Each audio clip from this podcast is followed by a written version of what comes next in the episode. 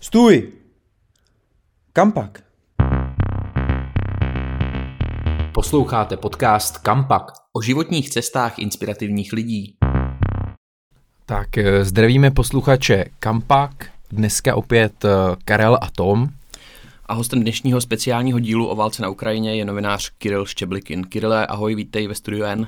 Ahoj, díky za pozvání. Kirile, chtěli bychom se v tomhle rozhovoru bavit, eh, jak je to o tom žít v České republice, když máš eh, kořeny od někud jinut. Eh, ty jsi vyrůstal v České republice, ale nepocházíš z Čech, ale máš české občanství, je to tak? Je to tak, máš pravdu. Já jsem se narodil v Rusku a v roce 93. A... Kde v Rusku? V Rusku ve Voroněži, to je jako, jako milionový město.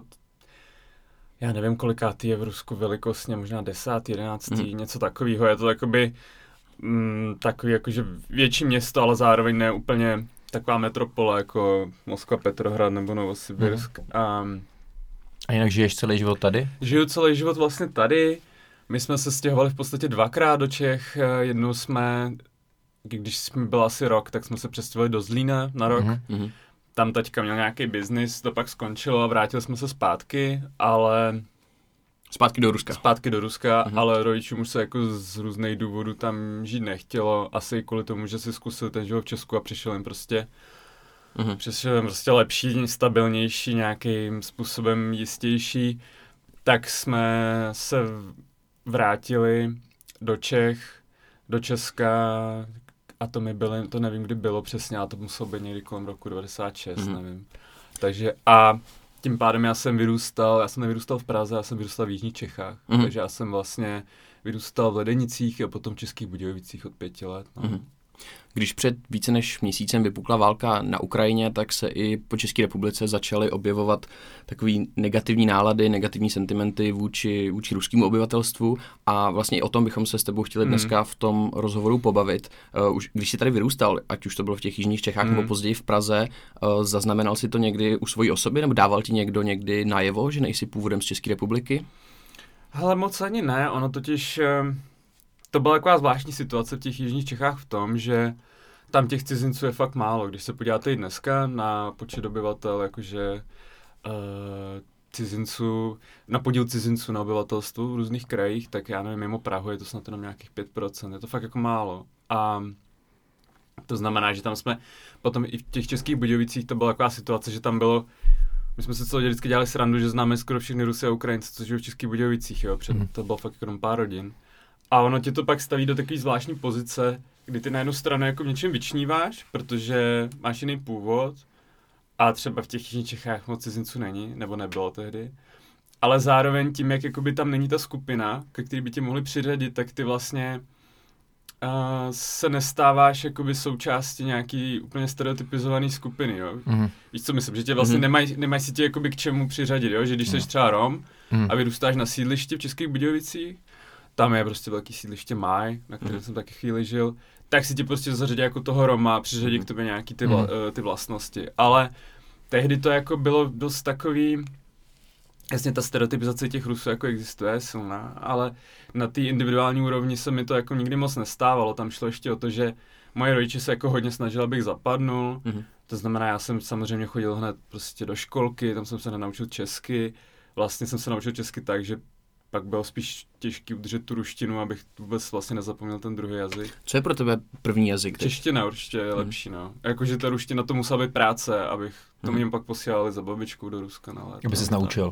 Abych, no, abych to udržel, že jsem, hmm. pak když mi bylo 6 let, tak začala být ta ruština moje tak pasivní, že už jsem uh, potřeboval vlastně nějaký takovýhle impuls, abych mm-hmm. ji dokázal udržet. No. Mluvíte doma rusky nebo česky? Mluvíme doma rusky, no.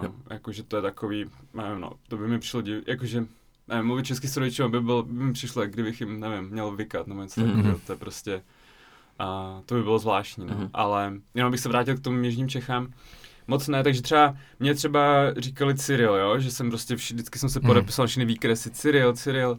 Je Cyril jako... Cyril je Kiril vlastně. Mhm. to je Kiril vlastně východní, prostě ta víc jako ta řecká verze toho mhm. Cyrila. Mm-hmm.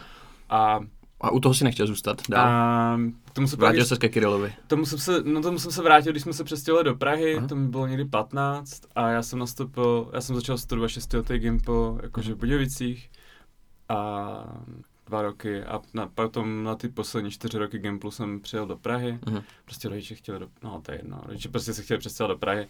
A tam to jako by se vůbec nechytlo, že prostě, jakože já jsem říkal, no já se jmenuji teda Cyril a, a, a ale jakože v papírech jsem měl tohle a tam, jakože ty spolužáci to vlastně vůbec nepřijali, takže vlastně najednou Kromě toho, že teda v 15 byl velký náraz, že člověk změní prostředí a s- ztratí kontakt s těma kamarádama, co má doma, Mhm. tak ještě byl velký náraz na jedno to změna jména. Jo, že Bylo pro tebe těžký si na to zvyknout v tu chvíli? Hele, nevím, jakože asi moc ani ne, protože mě tak říkali doma. Bylo zvláštní nějakou dobu, že mi tak říkají jako mimo domov lidi. Mhm. A, a spíš to, no, spíš to nějakým způsobem podtrhlo ten přechod, jako z těch Mhm. Budějovic do té Mhm. Prahy. A No. od té doby si byl teda už Kryl. Jo, ty doby jsem jako No. říkal. No.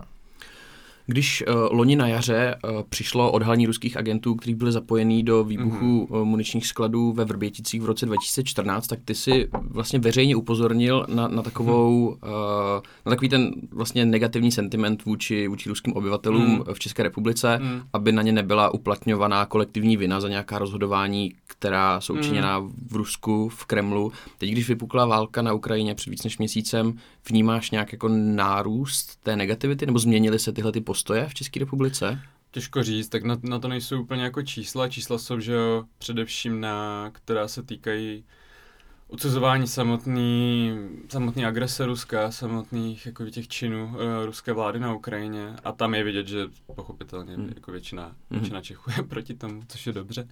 Ale Uh, já na to nemám úplně jako čísla, ale člověk vidí, jakože z doslechu jsem viděl, že třeba ještě když byly Vrbětice, tak se tady tak se stalo, že jednomu známému seřvali, seřvali ženu za to, že se bavila se svým synem rusky.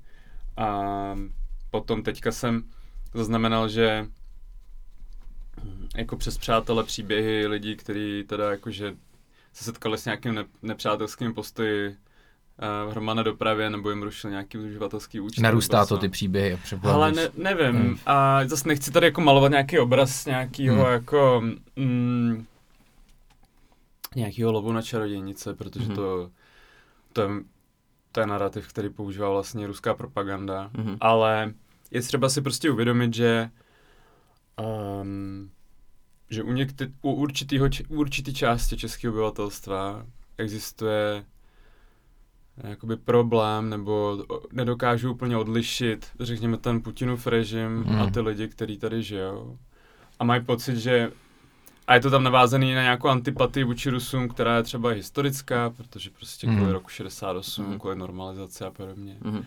A, a má takový jako nepřátelský projevy, že mají třeba lidi pocit, že vyjádří prostě solidaritu s Ukrajinci s tím, že budou nepřátelský vůči Rusům. Hmm. Hmm. Ale tak to je jako blbost, protože Překvapilo tě třeba v tomhle směru, že, že to nejsou jenom, řekněme, určitá část eh, českého obyvatelstva, jsou to třeba i vysokoškolský profesoři a, a lidi, kteří třeba odmítají připouštět ruský studenty ke zkouškám. Jo, to mě, to mě trošku překvapilo. Na druhou stranu jsem třeba slyšel, jakože měl jsem prostě kamarádku Bělorusku, která tady studovala medicínu a taky se jí stalo, že při zkouškách se jí nějak pt- ptali, jestli je z Ruska a bylo to tak jako dost nepřátelský, že ona musela vlastně jako z toho úplně tak jako utíkat a aby a byla tam taková jako vyloženě jako taková jako xenofobie a přezíravost k lidem z východu u vysokoškolsky vzdělaných lidí, což člověka trošku zarazí, jakože hlavně na univerzitě, která by měla Mhm. být nějakým jakože Mhm. kosmopolitním, intelektuálním místem, který spojuje, prostě přesto vě, tím věděním spojuje ten svět, já nevím, co všechno. Nesoudí. Hm. Ano, ano. A tohle to mi přijde, přišlo fakt zvláštní. A co se týče, ty si asi narážel na ten případ VŠE, Mhm. to Mhm. bylo, Vyučující Tak- Martin Dlouhý, tuším, který No. odmítl jo, vést jo, jo. Tak diplomové práce to mi přijde studentům. naprosto jako kontraproduktivní a podle mě je dobře, že myslím si, že pak ta škola se to i distancovala, Mhm. pokud se nemýlím, což je podle mě správný.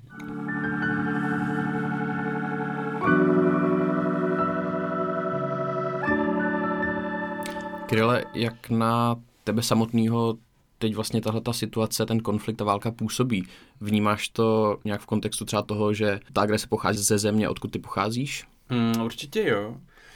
Uh, pro mě jako by ta, řekněme, ta ruská část identity spíš jako kulturní, protože já jsem prostě český občan a mm, získal jsem občanství, když mi bylo 16. S tím bylo tehdy ještě spojeno to, že jsem sem byl nucen zbavit jako toho ruského občanství, protože že český zákon tehdy ještě neumožňoval. Mhm. Nebo nepočítal příliš eh, s možností dvojího občanství, teďka už je to trochu jinak. A, ale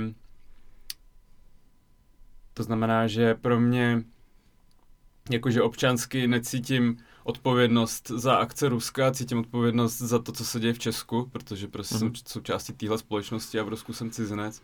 Ale zároveň to na člověka samozřejmě dopadne, protože cítí jako nějaký spojení s tou zemí. A musím říct, že emočně to bylo hodně zvláštní. Já si pamatuju, my jsme, my jsme právě s přítelkyní ještě den před invazí, to, znamená, to, to byla středa, myslím, mm-hmm. tak jsme koukali na ty projevy Zelenského a on tam měl ten projev ještě jako k ruským obyvatelům, aby ať prostě vystoupí proti té válce a to, to mě fakt jako dojalo, to se přiznám, že jsem jako uh, si, uh, se rozplakal. Mm-hmm. A potom, uh, potom jsme se ráno probudili a to byl jako naprostý šok, jakože prostě já jsem, my jsme čekali, nebo já jsem čekal, že prostě když došlo k těch uznání těch národních republik, že tam prostě hmm. někam vydou tanky, někam do Luhansku hmm. a do Doněcku a to jsem si říkal, to se prostě bohužel stane. No ale pak člověk otevřel ráno ty zprávy a viděl, že prostě byly nějaké raketové útoky po celé zemi najednou. A mm, bylo to hodně zvláštní pocit. Bylo to takový pocit jako velmi intenzivního, taky jako smutku, kdy jsem, my si třeba většinou s kamarády, když se dělá něco hrozného v Rusku, tak si píšeme jako, že hele, podívejte, to je jako, že zase nějaká šílenost. A No tak existuje jako je ruské slovo pizděc, jakože mm. když se děje něco, něco, něco fakt jakože úplně v hajzlu, tak, a, tak, tak si píšeme tohle, ale to jsme si, ani, ani jsem se s nikým nepsal, ani s rodičima, protože jsem byl úplně jakože, to se jako nedalo vyjádřit ani slovy, byly úplně zbytečně nějaký slova jako na to, takže jsem jako ani to s nikým jako nezdílel. Jsem, jsem tehdy měl akorát zubaře, tak jsem se došel k zubaře, pak jsem chodil po městě a byl jsem jako fakt v šoku. Hmm. A potom postupně člověk jako, že e, to začíná zpracovávat. A myslím si, že jsem jako nebyl úplně sám, jakože hmm. třeba i moji kamarádi, kteří tady žijou v Česku, přijeli jsem třeba jako studenti, ještě mají ruský, normálně mají ruské občanství, žijou tady na vízu a tak, tak prostě říkali, že pro některý z nich to bylo jako, že fakt psali, že to je nejhorší den jejich života, ten začátek invaze. Hmm. Jak se s tím vlastně srovnával, nebo jako trvalo ti to dlouho, než se s tím nějak jako vyrovnal, nebo než si to přijal, tuhle tu novou realitu? A tak já zase nechci ze sebe dělat nějaký jako, jako nechci strhat tu pozornost na sebe, jo, jakože ty, ten, kdo, trp, ten, kdo trpí, jsou ty lidi na Ukrajině, ne my, jo, ale uh, no, bylo to takový zvláštní, protože my jsme ještě pak uh, odjeli z Prahy, protože jsme prostě přítelkyně Slovenka, takže jsme jeli k ní na Slovensko, jsme, předtím jsme měli zaplánovanou, naplánovanou tu cestu, takže už jsme hmm. odjeli z Prahy a celý jsem to tak jako, že byl jsem jako vytržený z toho svého prostředí tady. Hmm. A No nevím, no člověk to moc jako nespracoval. Za začátku prostě jenom vysel na všech těch kanálech hmm. přístupných informačních a od rána do večera do vyčerpání sledoval ty zprávy a potom někdy večer odpadnul, vyčistil si zuby a šel spát, tak jsem fungoval v ten první víkend nějak, hmm. tak jak do pondělí, toho hmm. začátku té invaze. A pak najednou začne člověk řešit ty věci, jakože my jsme třeba, máme příbuzní na Ukrajině, tak jako mnozí Rusové prostě, mm-hmm. tam to je mhm. všechno strašně propojený. Takže jsme začali řešit, jak je najdeme. A mamce se pak teda podařilo je najít přes, nějak přes LinkedIn nebo co, mm-hmm. prostě úplně, úplně strašnou okliku a podobně.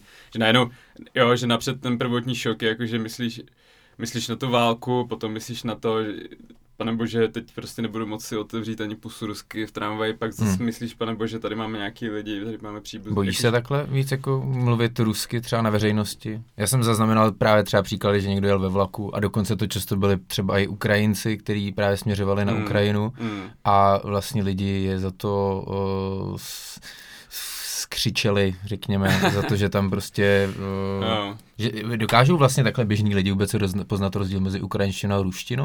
No, podle mě jako moc ne. Hmm. Jakože moc ne, co jsem pochopil, tak Češi spíš ne. A hlavně potom, že ono se dá jakoby poznat podle přízvuku, když jaký mluví rusky, jestli z Ukrajiny mhm. spíš. Mm-hmm. Nebo jestli, nebo jestli je z Ruska. Takže jako ruská ukrajinština vlastně. No. Ukrajinská ruština v podstatě jo. existuje. Mm-hmm.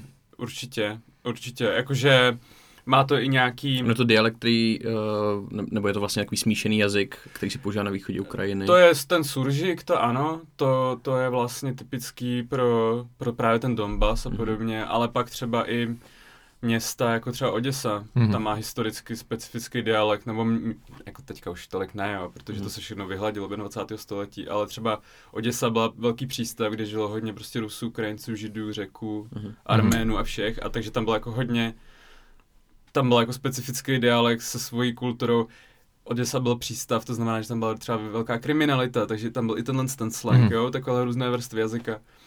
A jako, ne, jako pochybuji, že to v Že Česku velice někdo těžký oce, rozlišit, ocení jako takovou uh, jazykovou barevnost. A, Což je možná o to paradoxnější, že pak někdo si otevře pusu na někoho, o kom si Jo, myslí, že mluví jasně. rusky tady a může to být Ukrajinec, který prchá z války. No jasně, já si myslím, že to má jako několik eh, rovin, že to selhává na několika rovinách, nebo proč by to člověk neměl dělat, jo? že jedna je Hmm. principiální, to, to jsme se bavili, že prostě nemá cenu jako trestat uh, každý, kdo mluví rusky. Kohokoliv, no. A druhá je ta praktická, že prostě to dopadne i na ty Ukrajince, no. I na ty lidi, kteří vlastně jsou jako přímo oběti té Mhm. války, proto to nedává smysl. Přemýšlíš třeba i sám, když jsi někde ve veřejném prostoru na veřejnosti, v tramvaji, jestli, jestli v tu chvíli třeba, když bys tam byl s rodinou, mluvil rusky, nebo Hmm.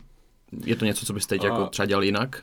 Úplně nevím, jakože vlastně jsem asi jednou jsem telefonoval metru rusky, protože jsem potřeboval něco s mamkou rychle vyřídit um, a přišlo mi, že se někdo podíval trošku divnějc, než myslím, že dřív to lidi až tak tolik ne, neřešili, ale nevím, jo. A pro mě ta situace je vlastně v něčem jako nepříjemná, ale zároveň mám dost privilegovanou pozici, třeba i v tom, že když mluvím česky, tak to nikdo nepoz... jakože, Mhm. tak mám Mhm. bez přízvuku, že jo. Mhm. Mám české občanství, to znamená, že mě odsud nikdo nedostane, Jasně. dokud platí ústava česká, Jasně. jo. A tak dál, a tak dál. Takže jakoby, jo, mě to jako ten život přímo až tak nenaruší, mi to vadí jako hodně Mhm. principiálně a vadí mi to kvůli mým přátelům, který Mhm. třeba, jo, že třeba moje rodiče už mluví česky, česky s přízvukem, Mhm. takže prostě už je to takový, že Mhm. někdo se na ně může nějak dívat. A mám kamaráda, který potřeboval teďka třeba najít byt, protože vlastně kvůli sankcím jim uh, přišlo část příjmu z Ruska, protože jeho přítelkyně dělala nějaký korektury do Ruska, nějakému webu. Potřebovali vlastně jakože potřebovali levnější byt, Mhm. aby ho utáhli. A teďka, když ho hledal, tak se mu stávalo často, že mu řekli teda, že se mu ozval, pak se mu neozvali. A když, se, když to řešil s jednou makléřkou, jak ona mu řekla, že v Česku lidi jako ty nájemníci, teda ty pronajímatelé, že nechtějí, nechtějí lidi s přízvukem. Hmm. Jo, Že, že nějak jako což je ale jako- roli i to, že jsou z Ruska v téhle situaci? Těžko říct, může to být jenom to, že jsou jako, že cizinci a mají přízvuk, Mhm. mm. očividně, to, očividně to stěžuje situaci asi i Ukrajincům a podobně, jo. ale jakože tam pak vlastně, když, když nejseš z té menšiny, nebo tak si často neuvědomí člověk, přes kolik takovýchhle různých překážek a úplně jako zbytečných Mhm. tření se musíš v tom životě Hmm. um, jako přenést, Mhm. proklížit se jima a tak. Um, To je vlastně jako úplně to takové, taková marginálie jako z běžného života, kterou, se kterou se vlastně člověk, který z Čech nesetká Mm, Hmm. a neuvědomí si, jak to pak může být limitující pro No někoho. jasně, no, nesetká se s tím, pokud není Rom třeba, že? Jako Když jsi, jo, že některý jsou prostě takové ty inzeráty, že prostě ne Romové a podobně, no, Hmm. tak ty, jo. Mě ještě docela zaskočilo taková absurdní situace třeba, že přesně tady je někdo z Ruska, kdo tady třeba dělá v nějaké IT společnosti, Mm. dlouhodobě tady vlastně funguje, pracuje, žije, má tady rodinu a tak dále a najednou mu vlastně český úřady neprodlouží víza a řeknou mu vlastně, tak se vraťte jako, To zas podle nestává mě, se tady to moc? to já nevím, to já Hmm. vůbec nevím. Já jsem A- slyšel vlastně z jedné uh, relokační agentury, že, že tam vlastně uh, se, se velice komplikuje ta byrokracie pro... Spíš možná může být problém teď třeba s obnovováním víc, když Česká Hmm. republika víza nevydává Jo, ruským to, to, občanům. to vlastně nevím, jak teďka fungují. Upřímně řečeno, vím, že jsou vlastně ty pozastavená ta práce českých konzulátů a že se nevydávají nová víza, pokud tam nejsou ty humanitární důvody. Mhm. Což je taky jako kontroverzní, že Spousta lidí potřebuje z Ruska odjet, protože třeba tam může čelit nějakým represím, hmm. nebo třeba přišli o práci, Určitě. Protože vyjádřil nějaký nesouhlas. A, ale jak je to s obnovováním, to nevím. Myslím si, že snad eh, lidi, kteří tu jsou, tak snad budou moct zůstat. Mhm. Tady fakt se do toho nechci pouštět, protože vůbec Jasně. nevím, jak to Mhm, funguje. jasně. no. Ale jak ty vnímáš tyhle ty sankce a ty vlastně jako velmi tvrdé kroky vůči Aha. Rusku i vlastně běžným ruským občanům, kteří s tím Mm. režimem nemají nic společného, na, například to zablokování vydávání víz. No tak tam je otázka... To je otázka samozřejmě. Jakože očividně takové ty běžné sankce, co se dělají proti oligarchům a proti té politické reprezentaci asi nemohly stačit v téhle chvíli. To znamená, že tam bylo třeba jakože jaké byly alternativy, jakože asi vojenský konflikt asi možný není Hmm. snad s Ruskem, takže bylo třeba prostě začít drtit uh, ruské hospodářství, což je logické. Zároveň um, je pak otázka, u takových těch mezinárodních kulturních, eh, akademických a nevím jakých spoluprací, kde je to správně a kde je to produktivní. No. Tam mm-hmm. jsem četl nějaký tweet jednoho akademika Petrohradského, který říkal, no, že jsem se prostě dneska naháněl s policajtama po Petrohradu, přišel jsem domů a zjistil jsem, že mi zrušili prostě nějaký evropský grant nebo mm. nějakou spolupráci. Jo. Jakože on se tam naháněl s mm. policajtama na demonstraci proti válce. Jo. Mm. A to je pak prostě těžký, protože... Nepodpora i ruských filmů nebo vyřazování, vyřazování takový tý jako umělecký sféry taky. No, no, no. Já na to jako úplně nemám odpověď. Um, nevím, kde úplně leží ta hranice, hmm. kde, kde udělat tu hranici. Myslím si, že třeba je, zase je asi v pořádku, že se nemůže třeba létat, nebo že jsou tady sankce proti té, tomu jakože uh, biznesu aerolinek, hmm. ale asi, asi by byl, asi by ne, asi by nebylo dobré, kdyby prostě se zavřel ten prostor vyloženě pro lidi, kteří se snaží odejít od tamto, mm-hmm. jo. To mm. si myslím, že není úplně správný, že nejsem na to expert, mm. nevím, jak je to mhm. efektivní, mm. ale jakože z mého hlediska to není úplně správný, že prostě lidem, kteří potřebují odejít z té země z jakéhokoliv důvodu, tak se s tom brání, no. Myslím si, že by to mm. tak mhm. úplně být nemělo. A myslím si, že Jasně, jakože spolupracovat nějakýma státníma ruskýma institucemi kulturníma asi, asi není dobrý, asi je dobrý říct, vymezit nějaký pravidla, ale hmm. třeba nevím, nevydávat žádný knížky ruských autorů by podle mě jako taky bylo kontraproduktivní. Hmm. Hmm. Jak sám zmiňuješ, tak ono se to opravdu může třeba pak dostat do takových jako, řekněme, absurdních případů a postihnout to třeba i ty odpůrce hmm. ruského Putinova režimu, kteří tam třeba demonstrují, protestují proti té válce a do České republiky v tuhle chvíli vycestovat, uh, vycestovat nemůžou nebo například prostě získat víza, nebo když by museli studovat. by asi nějak prokázat, že jsou persekuovaný, což hmm. je ale hrozně, to jsou hmm. jako těžké věci. Složitý. Ne? To je hmm. složitý. Když existuje tahle ta, uh, řekněme, snaha tvrdě Rusy postihnout, objevuje se tu vlastně velká vlna možná nenávisti vůči Rusku, ruským občanům. Hmm. Nemyslí, že to třeba může tomu ruskému režimu a Putinovi hrát do karet, když pak svět začne Rusy nenávidět a on se bude stavět do role toho spasitele? To asi může. Tam jako je otázka... To asi může. Ale prostě otázka, co je ta realita, co tam pak vykreslí ta, i ta propaganda, jo. Ta asi... Uh, myslím si, že v těch státních médiích se už jako objevují nějaký zprávy o tom, že nevím, nějaký hony na Rusy a podobně, to se asi jako neděje, což se teda jako neděje, ale mm-hmm. myslím si, že uh, já úplně nedokážu posoudit, jak velká je ta antipatie, jakože nevím, mluvíme tady o nenávisti, já nevím. Um, myslím si, že Myslím si, že je kontraproduktivní, když prostě v některých, na západní, v některých západních zemích se to dělo, že myslím, že v Americe někdo prostě ničil jako restaurace mm. ruský, nebo že prostě tam uh, tam se setkali taky s nějakými nepřátelskými reakcemi jako lidi, co mluvili rusky, přičemž uh, tam jako obrovská část uh, ve Spojených státech lidí, co jsou ruskojazyční, tak nejsou rusové, jo. To jsou mm-hmm. prostě jako, ať už židé z východní Evropy a podobně. Mm-hmm. Ale čemu směřuju? No směřuju k tomu, že určitě by bylo dobrý, určitě by bylo dobrý, kdyby, jakkoliv to těžký, ale si něčem nepředstavitelný, tak kdyby byla co největší ta solidarita s lidmi, a, který nejsou součástí toho ruského režimu, no. Mm-hmm. A která by ukázala, že ten západ není motivovaný nějakou nenávistí k Rusku, ale snahou prostě bránit, bránit Ukrajinu, bránit ten, uh, bránit ty hodnoty, na kterých mhm. stojí. Hmm. A, a že um, a že prostě ne, ne, nesklouzávat k takovým těm, už se tady objevilo taky veřejném prostoru, že nevím, že že ta ruská civilizace jakože je barbarská a chce zničit čes, jakože hmm. ten západ.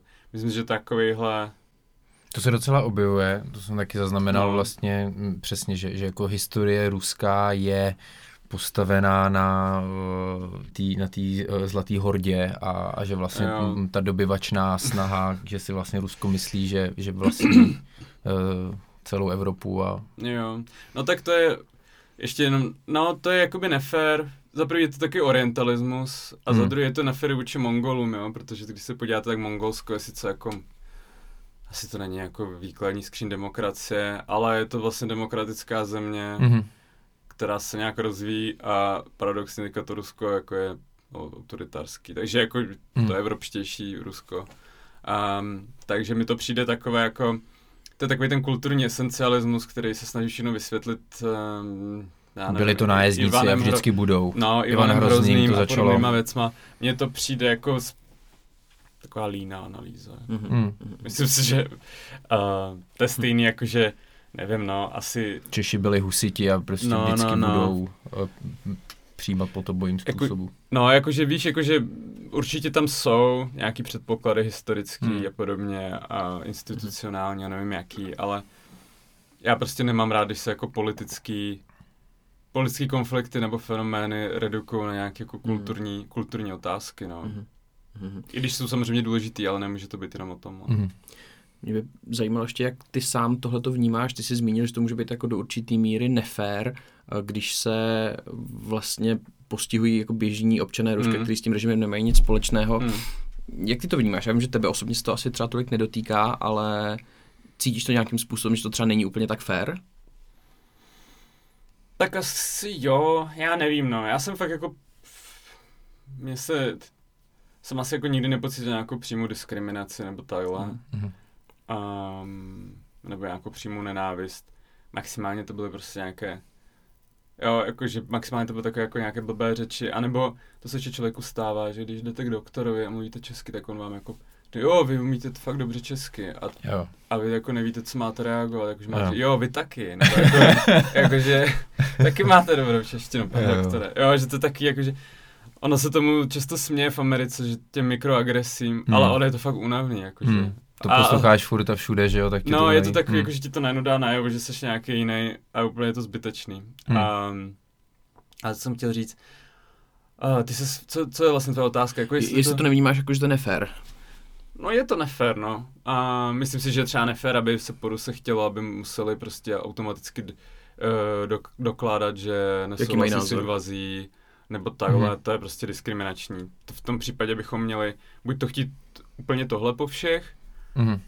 jo, i po Češích, po Američanech, nevím, po, po Němcích a tak Myslíš, že se tady očekává v Česku, že vlastně Rusové budou hodně veřejně vystupovat a odsuzovat vlastně tu, tu invazi, válku? Myslím, že se to Já jsem to zaznamenal třeba i na, ve vysokoškolském prostředí, že třeba studenti FAMu mm. ruského původu, nevím jestli museli, ale prostě udělali to, chtěli to udělat a natočili, natočili video, ale právě na poput toho, že zaznamenávali nějaké jako negativní reakce. Jo, jo, jo. Že, no, že vlastně v obrané reakci natočili Jo, video. jo, tak ono to nevzniká nikdy ve váku, tyhle věci, že jo, ale myslím si, že je dobře a v pořádku, když eh, ty, eh, když prostě nějací Rusové jako vystupují otevřeně proti tomu, naopak si myslím, že to fakt dobře, nemyslím si, že Uh, ale podle mě není úplně fair to od lidí nějak a priori To očekávat. vy, vyžadovat, Hmm. jako Jo. nějakým způsobem lustrovat tohle. Stejně jako prostě od muslimů automaticky nečeká, že se budou omlouvat za každý útok a nebo se od Mhm. distancovat, jenom přes jsou muslimové.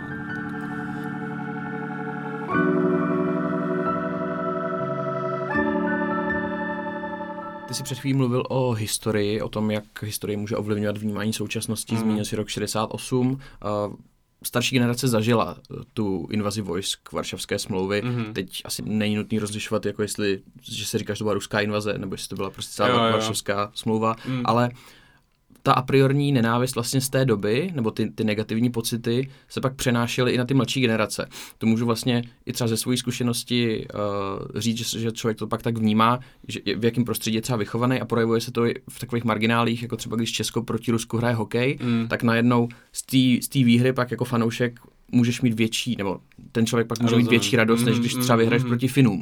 Uh, Mm. Jak bys vlastně oponoval těm lidem, kteří tu, tu invazi zažili a co, co bys jim vlastně řekl v souvislosti s tou válkou na Ukrajině, uh, přesně jak vlastně mluvíš v tomhle tom duchu, že, uh, nebo aby, aby to vlastně ne, nepodsouvali do té roviny, nebo nepřesouvali do té roviny, že za to můžou všichni rusové. Jo.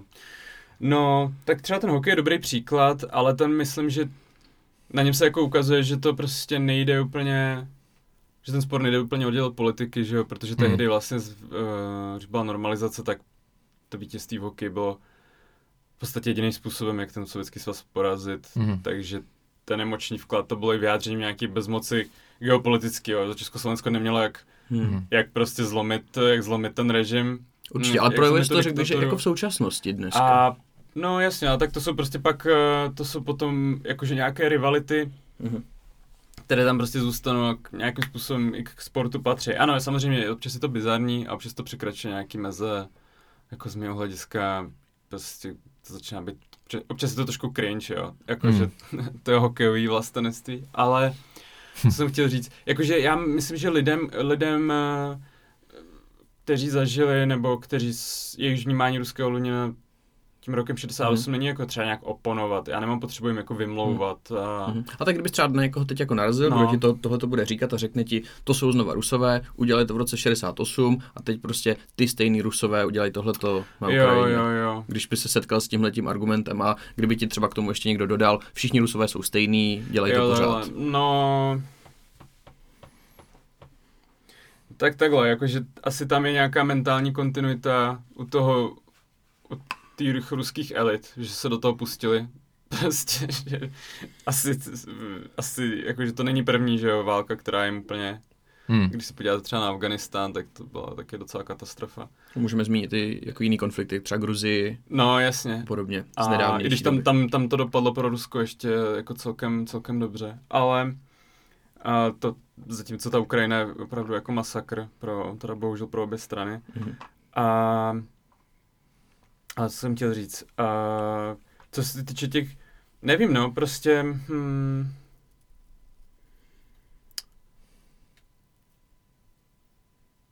jakože co, co říct na to, že pokud tak ten člověk vnímá ty Rusy, tak nevím, jestli mu to jde nějak vymluvit. No. A tam prostě je třeba podle mě nějaký čas a nějaký, řekněme, nějaký příklady, který pak ty lidi naučí, že je to trochu jinak. Tam prostě u Ruska je problém v tom, že je často vnímáno tím prismatem, jakože že ano, že tam je ta vysoká kultura, ten balet a td. a ta literatura, ale že jinak že to vnímáme jako v takový, jako také zvláštní dualitě, že buď ten Rus je teda ten eh, jako velmi, jakože velmi, velmi mm, takový jako vysoký jakože intelektuál, mm-hmm. takový jako nějaký super člověk typu, já nevím, Tolstoj, Dostojevský, nebo nějaký takový jako disident Mhm. mm-hmm. typu uh, Borise Němcova, nebo toho Dmitrie Muratova, šéf-redaktora mm-hmm. Nové gazety, který má Nobelovku, a nebo je to ten, ten okupant, prostě, já nevím, nějaký ten bolševik a tak. A tak podle mě je třeba se spíš jako vymanit z tohohle, z tohohle jako nějakého mm-hmm. černobílého vidění, že většinou ty Rusové nejsou ani jedno, jo. Mhm. Mm-hmm. Jakože většina Rusů Jasně. si ho stejně jako prostě, já nevím, když máte Černocha, tak většinou taky nebude basketbalista, ani jazzman, No jasně. ani prodavač drog. Většinou Jasně. to bude týpek, který prostě Jo, něco jo, dělá, má to- děti, hm. má život a nějak funguje. Jo. je taky ta přehnaná dualita, že vidíš přesně buď ten jako vysoký Buď je to Michael Jordan, Jo, jo, jo. který ho, Jo. jo, taková ta, A nebo to jsou ta fe- na předměstí. No, no, no, prostě. taková ta Hm. fetišizace, jako no, těchhle z těch. Tak myslím si, že to je důležitý. Mhm. Jakože, nevím, asi, asi jako člověk, který by si řekl, všichni Rusové jsou hajzlové a opravdu si takhle myslel a takhle v tom ležel, tak nevím, jako, kolik takových lidí je a opravdu, že nevím, jak si má polemizovat. Spíš je Hmm. podle mě problém tak, takovýhle ty stereotypizace, že ne, spíš, nepocho, že nepo, spíš je podle mě nepo, problém to nepochopení, že lidi existují nějaký jako kontinuum prostě. No. Hm. Dá se vlastně vůbec o menšinách, nebo ne, nenutně o menšinách Hmm. jako z národnostního hlediska, ale o, o lidech, kteří třeba mají jiné vyznání nebo mají jiný Hmm. původ. Dá se o nich vůbec mluvit jako o komunitě, protože to slovo komunita to už pak jako naznačuje, že by mělo jít o nějaký homogenní celek. Jo, jo, jo, no určitě to je velký problém, na který třeba narážel, že jo, i Filip Titlbach, když mluví o queer lidech v Česku, že ten uh, výraz komunita vytváří jako představu nějaký pospolitosti Mhm. a síťové provázanosti a podobně. Vlastně svádí to pak k tomu, že je snadný ty lidi hodit do jednoho pytle. Jo, jo, jo, jo, jasně, no. Um, podle mě to jako moc nejde. Podle mě to určitě nejde, jakože v Česku, protože um, Takže takové ty fráze jako ruská komunita v Česku a No, podobně. jakože, mm, podle mě to nic moc neznamená, jo. Mhm. Tady jsou prostě lidi, jsou tu lidi, že jo, který prostě odkazují ještě na nějakou tu meziválečnou uh, ruskou emigraci, která utíkala před bolševismem. Jsou tu lidi, kteří jsou tu od 90. jako já s mojima rodičima, jsou tu lidi, kteří to jsou několik let před semka přijeli studovat. Všichni máme nějaké úplně jiné zkušenosti životní, máme jinou, jakoby jinou míru integrace do české společnosti. Mm-hmm máme jiný socioekonomický postavení, vzdělání, názory a podobně. Podle mě to jako fakt není možný. No. Mm-hmm. Jak by podle tebe bylo možné vůči menšinám nebo vůči také příslušníkům jiných, uh, ať už etnických uh, nebo náboženských skupin, jak by bylo podle tebe možné tyhle ty stereotypy bořit nebo vyvracet, aby se to Mm, trochu mm, zmírnilo mm, a mm. otupilo ty, ty konflikty ve společnosti? Těžko říct, no já mám pocit, že prostě v Česku ty menšiny jsou jako hodně marginalizovaný ve smyslu, že nejsou moc ve veřejném prostoru, že prostě máme, že jo, máme třeba hodně velkou větnamskou komunitu. Mhm. Která se do toho veřejného prostoru docela dostává, že jo? Nebo Ona se dostává, No, jako jako- jasně, že prostě když, Různí moderátoři, vlastně herci. když, když to člověk jako zná, tak ví, že prostě jo, zná třeba nějaký hudebníky a tak, ale Hmm. jakože mm, kolik máme větnamských politiků, jo, Hmm. kolik máme, Hmm. máme velkou ukrajinskou komunitu a to, a to jasně, to souvisí třeba i s tím, že ne všichni mají občanství, ne všichni jsou jako integrovaní ve smyslu, uh, jakože jo, třeba u těch Ukrajinců, jakože pro život nastálo a tak dál, Mhm. ale jakože kolik máme třeba menšinových politiků, jo, v veřejném prostoru, jako moc jich jako spíš není, že jo.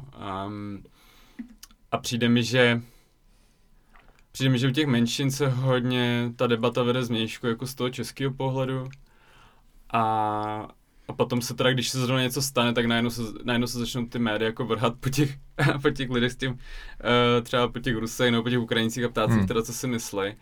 Ale Jako my teď. jako, to je v pohodě. to je pravda, no. Ale uh, přijde mi prostě, že ty, ty, ty menšiny furt jako nejsou vidět, no. Hmm. Že jako, že ten veřejný prostor je furt takový dost homogenní. Mm, jsou to spíš jako výjimky.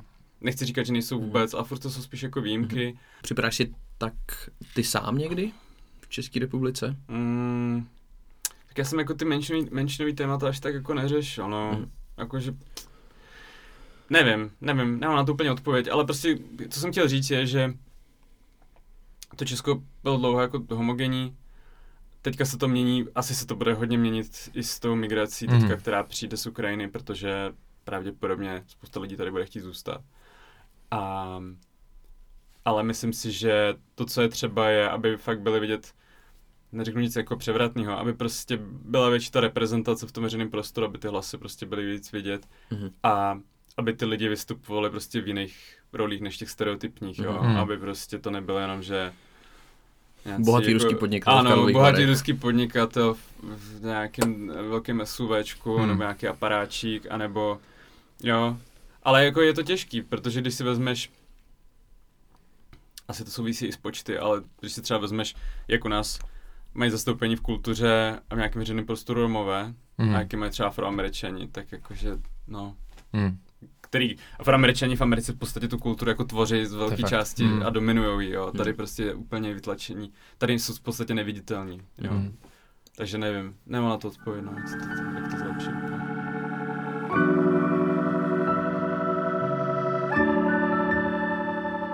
Když jsme ještě před chvílí zmínili ruskou propagandu, Mm. a ruská propaganda využívá různé nálepky pro svoje nepřátele.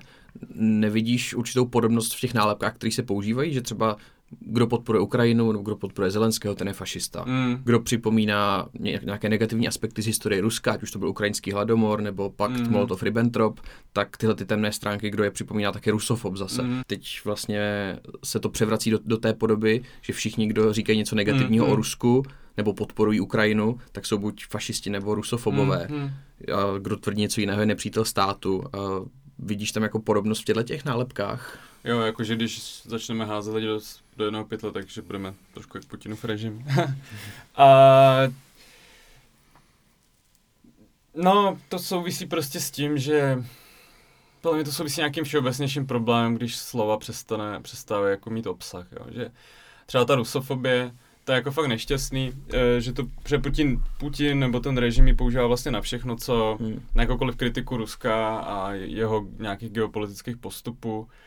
A což pak vede k tomu, že některý lidi si mm, ve veřejném prostoru se pak objevují, že vlastně rusofobie neexistuje, je to celý výmysl jako ruské propagandy, což zase asi jako není pravda. Jo.